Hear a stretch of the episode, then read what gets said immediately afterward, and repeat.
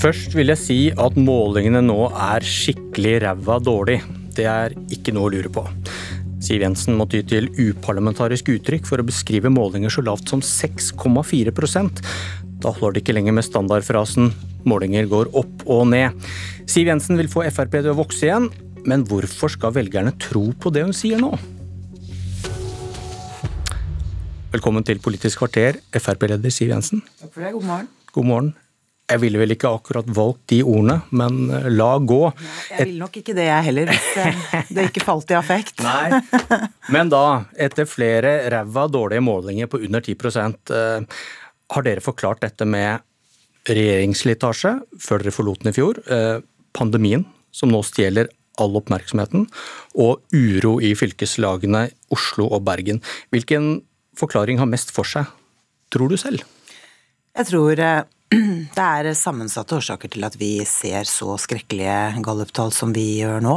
Eh, og det er selvforskyldt. Det går ikke an å skylde på velgerne. Det er vi som må ta ansvar for at vi ser dårlige målinger. Eh, men jeg tror som sagt det er en kombinasjon av at vi opplevde betydelig regjeringsslitasje på tampen av vår regjeringstid. At vi hadde en organisasjon som var sliten eh, etter de årene i regjering. Og så var vi liksom i ferd med å prøve å finne tilbake til opposisjonsrollen i Stortinget i januar i fjor. Februar i fjor, og så kom pandemien som Eh, gjorde hele norsk politikk til en unntakstilstand. Eh, og helt siden da så har det jo i realiteten handlet om det, naturlig nok. Eh, men for et parti som Fremskrittspartiet, så er vi er avhengig av å kunne sette sakene våre tydelig på dagsordenen og ha klare debatter med andre partier som viser forskjellene. Men jeg har jo også hele tiden sagt at selv om vi mente det var riktig å gå ut av regjering, så har jeg også sagt at det er ikke noe quick fix på det. At vi måtte jobbe hardt og lenge for å gjenvinne tillit hos velgerne. Din nestleder Sylvi Listhaug sier til VG vi er ikke en del av en firebande, og vi er heller ikke støttehjul for regjeringen. Vi kommer til å kjøre en linje hvor vi rendyrker vår politikk. Vi skal stemme for det vi er for, og mot det vi er mot. Hvordan skal dere da få flertall for politikken deres?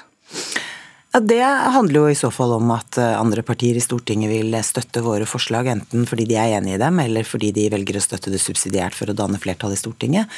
Men jeg tror dette også har litt å gjøre med den eh, si, Vi har fremstått litt forvirret, har jeg sagt. I den forstand at vi i noen sammenhenger har sittet og forhandlet sammen med eh, de tre regjeringspartiene. Og i andre sammenhenger så har vi sittet og forhandlet med Arbeiderpartiet, SV og Senterpartiet. Det er jo, For mange av Fremskrittspartiets velgere så er det helt unaturlig at vi skal samarbeide tett med sosialistiske partier, og det gjør vi heller ikke. Men det har vært i enkeltsaker hvor det har vært mulig å få eh, flertall. Eh, der hvor vi ikke har fått regjeringen til å gå langt nok, bl.a. i å støtte opp med tilstrekkelige økonomiske tiltak for å redde arbeidsplasser gjennom denne pandemien. Men eh, når vi sier at vi nå utelukkende skal støtte det vi er for, eh, og ikke ting vi er imot, så handler det om at ikke vi vil bli halt gjennom forhandlinger med andre partier, hvor vi må inngå kompromisser som vi er uenig i. Men hvordan skal dere da få gjennomslag for politikk som dere står alene om? Hvis dere skal rendyrke politikken og stemme for det dere er for, og mot det dere er mot. Det det først og fremst handler om for vår del nå, er å være gjenkjennelig for eh, velgere som har, eh, hatt, eh, som har stemt Fremskrittspartiet, eller kan komme til å gjøre det igjen. Da må de se den friskheten, den tøffheten som Fremskrittspartiet alltid hatt som varemerke. Vi har turt å snakke der andre tider, f.eks. i asyl- og innvandringspolitikken, hvor vi har tatt ganske mange tøffe debatter alene og hatt hele hylekoret mot oss. Eh, det åpner seg jo mange plasser i norsk politikk nå, særlig på høyresiden, vil jeg si. fordi at du ser nå stadig flere partier klumpe seg i sentrum. Der begynner det å bli ganske trangt. Mens det er en ganske åpen banehalvdel på høyresiden. Eh, ikke minst så ser vi jo det i klimapolitikken som vi skal diskutere etterpå, hvor parti etter parti nå kapper kappes om å konkurrere om eh, ja, symboltiltak som er dyre, som kommer til å sende arbeidsplasser ut av landet. Fremskrittspartiets rolle i det må være å advare, og ikke minst være tydelig på at vi ikke skal kaste gode penger etter dårlige prosjekter. Men eh, du nevnte innvandringspolitikken. Hvorfor skal velgerne tro på at dere ikke vil ta imot kvoteflyktninger, når dere har vist at dere er villige til å ta imot 3000 i regjering. Men Der er vi jo tilbake til disse evige kompromissene da, som koster alle partier som sitter i en regjering. Vi måtte være med på det for å få gjennomslag for noe annet. Men, men hvorfor, hva er vitsen med å være med i politikken hvis man ikke prøver å få gjennomslag? For det er det du sier nå? Vi prøver jo hele tiden. Men så er det jo den balansen da mellom hva er godt nok? Hvilke kompromisser er greie nok? Hvor går grensen for hva man skal være med på og ikke være med på? Det er jo summen av dette i vår tid i regjering som eh, også påførte oss eh, regjeringsslitasje. fordi selv om vi fikk til veldig mye i de årene vi satt i regjering, så er det nok dessverre sånn at mange av velgerne som stemte Fremskrittspartiet, er mer misfornøyd med det vi ikke fikk til, eller de tingene vi var med på, som ligger et godt stykke unna Fremskrittspartiets politikk. Og det må vi jo erkjenne. Vi har vært med på ting som vi er dønn imot. Du, eh, En annen utfordring som dere har pekt på er uroen i Oslo. Og så sa du at dere har framstått litt forvirret. Nasjonalkonservativ er et begrep som jeg kjenner at jeg får litt frysninger av, for å være helt ærlig, sa din nestleder Sylvi Listhaug. Det minnet henne om nazisme. Per-Willy Amundsen, som sitter i interimstyret for Oslo Frp nå, skriver på Facebook nasjonalkonservativ. Da er ditt parti Frp. Dersom du er tilhenger av FrPs program, må du gjerne definere deg som nasjonalkonservativ. Er det greit å kalle seg nasjonalkonservativ i Frp?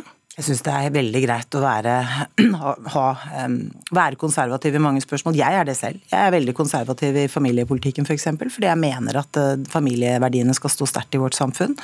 Men den debatten eh, ble ganske het et lite øyeblikk. Jeg tror det er Sylvi har jo også beklaget at hun brukte så sterke ord, fordi man ønsker jo ikke å stigmatisere så mange velgere som både er opptatt av konservative verdier og samtidig opptatt av å sette norske interesser først. Det har Fremskrittspartiet alltid gjort. Men er det, det, å, er, er det greit å kalle seg nasjonalkonservativ i Frp?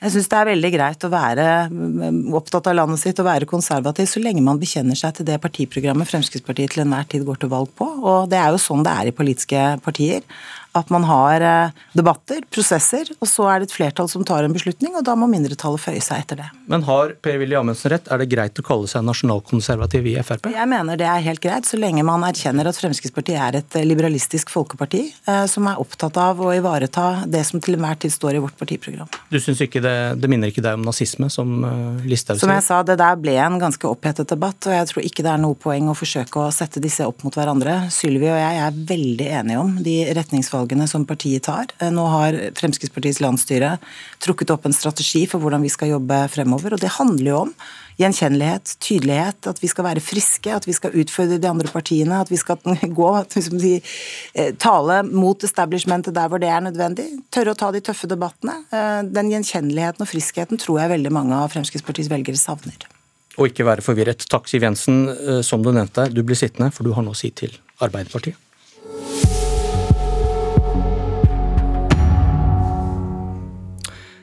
Espen Barth Eide fra Arbeiderpartiet, velkommen. Takk for det.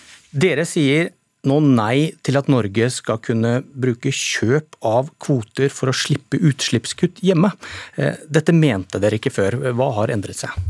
Vi er jo absolutt sterke tilhengere av å delta i det europeiske kvotemarkedet. så Norske bedrifter vil kjøpe kvoter og selge kvoter og holde på som før. Men det vi sier er at vi skal ikke bruke dette som en unnskyldning for også å sette tydelige nasjonale mål. Nå er det sånn at eh, I norsk industri så ønsker man både tydelige mål, men også at de kommer ledsaget med veldig tydelige grep for at vi kan ligge i front og ikke i bakkant av den enorme utviklingen som nå skjer for å få karbon ut av prosessene, for å få en mer bærekraftig produksjon produksjon for å få en mer sirkulær økonomi.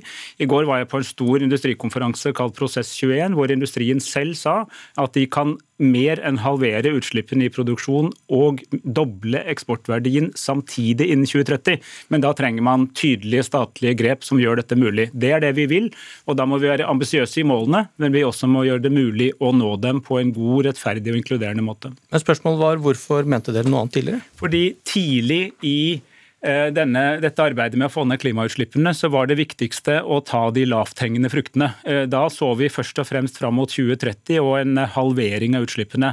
Nå vet vi at vi skal til slutt komme fram til en netto null-løsning i 2050. Det er det verden har forpliktet seg til, og som svært mye mange land nå sier at de skal nå. Eh, og Da må vi altså gripe teknologiske muligheter som også tar oss videre. Derfor er det nå et kappløp mellom industribedrifter f.eks. rundt omkring i Europa, USA USA, i mange land i Asia, om å bli best på disse fremtidsløsningene. Så nå handler det ikke så mye lenger om hva vi skal slutte med, det handler mer om hva vi skal begynne med. Og jeg ønsker at Norge skal ligge tidlig i den. Vi har naturgitte forutsetninger, mye rimelig kraft f.eks.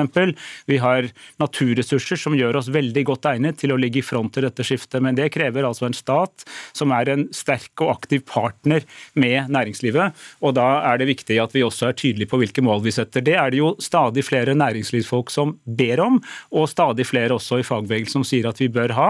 Eh, men vel å merke så lenge vi også har positive grep for å gjøre det mulig. Siv Jensen, hvorfor reagerer du på dette at Arbeiderpartiet ikke lenger vil ha denne nødventilen der vi kan kjøpe kvoter i utlandet hvis vi selv ikke klarer å kutte nok hjemme? Fordi verden trenger å få kuttet sine eh, utslipp. Det er jo ikke sånn at Norge alene gjør dette. Og ved å stille opp de urealistiske kravene som Arbeiderpartiet nå gjør, de driver jo ren overbudspolitikk i forhold til regjeringen som allerede har forsterket målene, så mener jeg at det ikke er noe annet enn å sende arbeidsplasser rett ut av landet, gjerne til Kina for den saks skyld, uten at vi får redusert et eneste utslipp her hjemme. Den kombinasjonen av å tredoble CO2-avgiften, som er ille nok for veldig mange næringer som bare ikke over natten kan eh, ta del i det teknologi teknologiskiftet som Espen Barth Eide snakker om. Alle er jo enige om at vi skal ta i bruk ny teknologi, men noen næringer ligger det ikke innen rekkevidde før om mange mange, mange år. Og Da blir det både å få slengt en milliardregning som gjelder tredobling av, av eh, CO2-avgiften, sammen med at man skal ta bort det mest effektive virkemidlet av alle, nemlig disse fleksibilitetskvotene. Det, det, forstår ikke hva et gammelt industriparti som Arbeiderpartiet driver med her. Fordi man sender arbeidsplassene rett ut av landet, og egentlig så legger man jo til rette for å betale for eh, at eh, utslippene da kan komme i andre land til en lavere pris enn i Norge, og det mener jeg er direkte uansvarlig. Hva, hva går man glipp av hvis man gjør som Siv Jensen sier, da, og, og, og, kjøper sånne kvoter? Poenget er at vi bør bruke norske penger på å stimulere innovasjon i Norge. Ikke bruke norske penger først og fremst på å stimulere innovasjon i andre land. Det viktigste vi kan gjøre, er å vise at vi kan finne de nye teknologiene. Men så har jeg lyst til å minne om at på Trøndelagsmøtet eh, for litt over et år siden. Da var Siv Jensen finansminister. Hun og jeg var sammen i en debatt. Eh, jeg husker jeg sendte en melding til deg etterpå om at denne gangen var vi svært enige.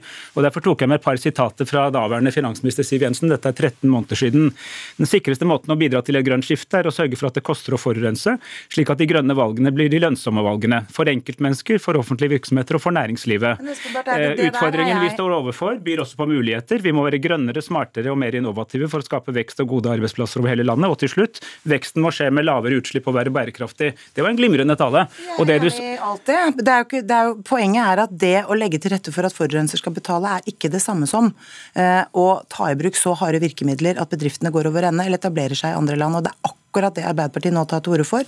Når de sier at dere skal, altså Husk at CO2-avgiften i Norge er allerede veldig høy, og høyere enn mange land man naturlig kan sammenligne seg med. Nå tar dere til orde for å tredoble den, samtidig som ja, dere skal altså Det er det jo regjeringen som jo, gjør. Men dere, dere har jo Nei, vi kommer ikke Nei. under noen omstendighet til å støtte en tredobling av CO2-avgiften. Men, men dere har sagt at dere vil gjøre det, og i tillegg gå enda lenger, nemlig å stoppe med denne, dette, denne, dette, fleksible kvotesystemet, som i realiteten betyr at man tar utslippene der man får mest igjen for pengene. Det mener jeg er en, er en, en omdreining fra Arbeiderpartiet. Og jeg, ville, jeg, trodde ikke at jeg skulle høre det fra et parti som alltid har kalt seg et industriparti. For dette er direkte industrifiendtlig og sender arbeidsplassene våre ut av landet. Men Siv Jensen, det mener ikke industrien. Og jeg satt og hørte på med veldig mange industriledere og fagforeningsledere i går på en konferanse om akkurat dette her. som nettopp sa at det er store muligheter for at vi kommer først til en av del av de løsningene som gjør at du kan f.eks. produsere stål, aluminium og andre innsatsfaktorer vi lager med mye lavere utslipp, og derfor vinne konkurransen i de europeiske markedene som nå spør om lave utslipp i produksjon.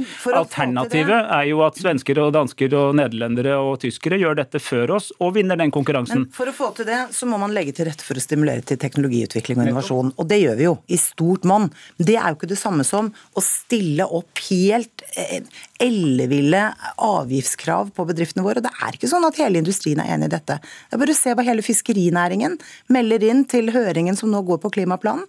De mener at det er hoderystende politikk, for de vil ikke klare å gå fra å drive eh, på fossilt drivstoff til andre drivstoffkilder, eller fornybare kilder, på det tidsperspektivet som ligger her. Og da legger vi jo en av våre viktigste eksportnæringer eh, i fare. og Derfor mener jeg at Arbeiderpartiet nå er på ville veier og burde bremse litt grann, i stedet for å delta i et kappløp med MDG og andre partier om å påføre industrien store kostnader helt unødvendig. Og Det forslaget du viste til er altså et forslag fra regjeringen. Dette skal vi nå forhandle i Stortinget. og Det vi er opptatt av er definitivt å slå fast at forurenser må betale. Men vi skal også ha positive var, grep å gjøre det mulig å slutte. Dette var Politisk kvarter. Jeg heter Bjørn Myklebust.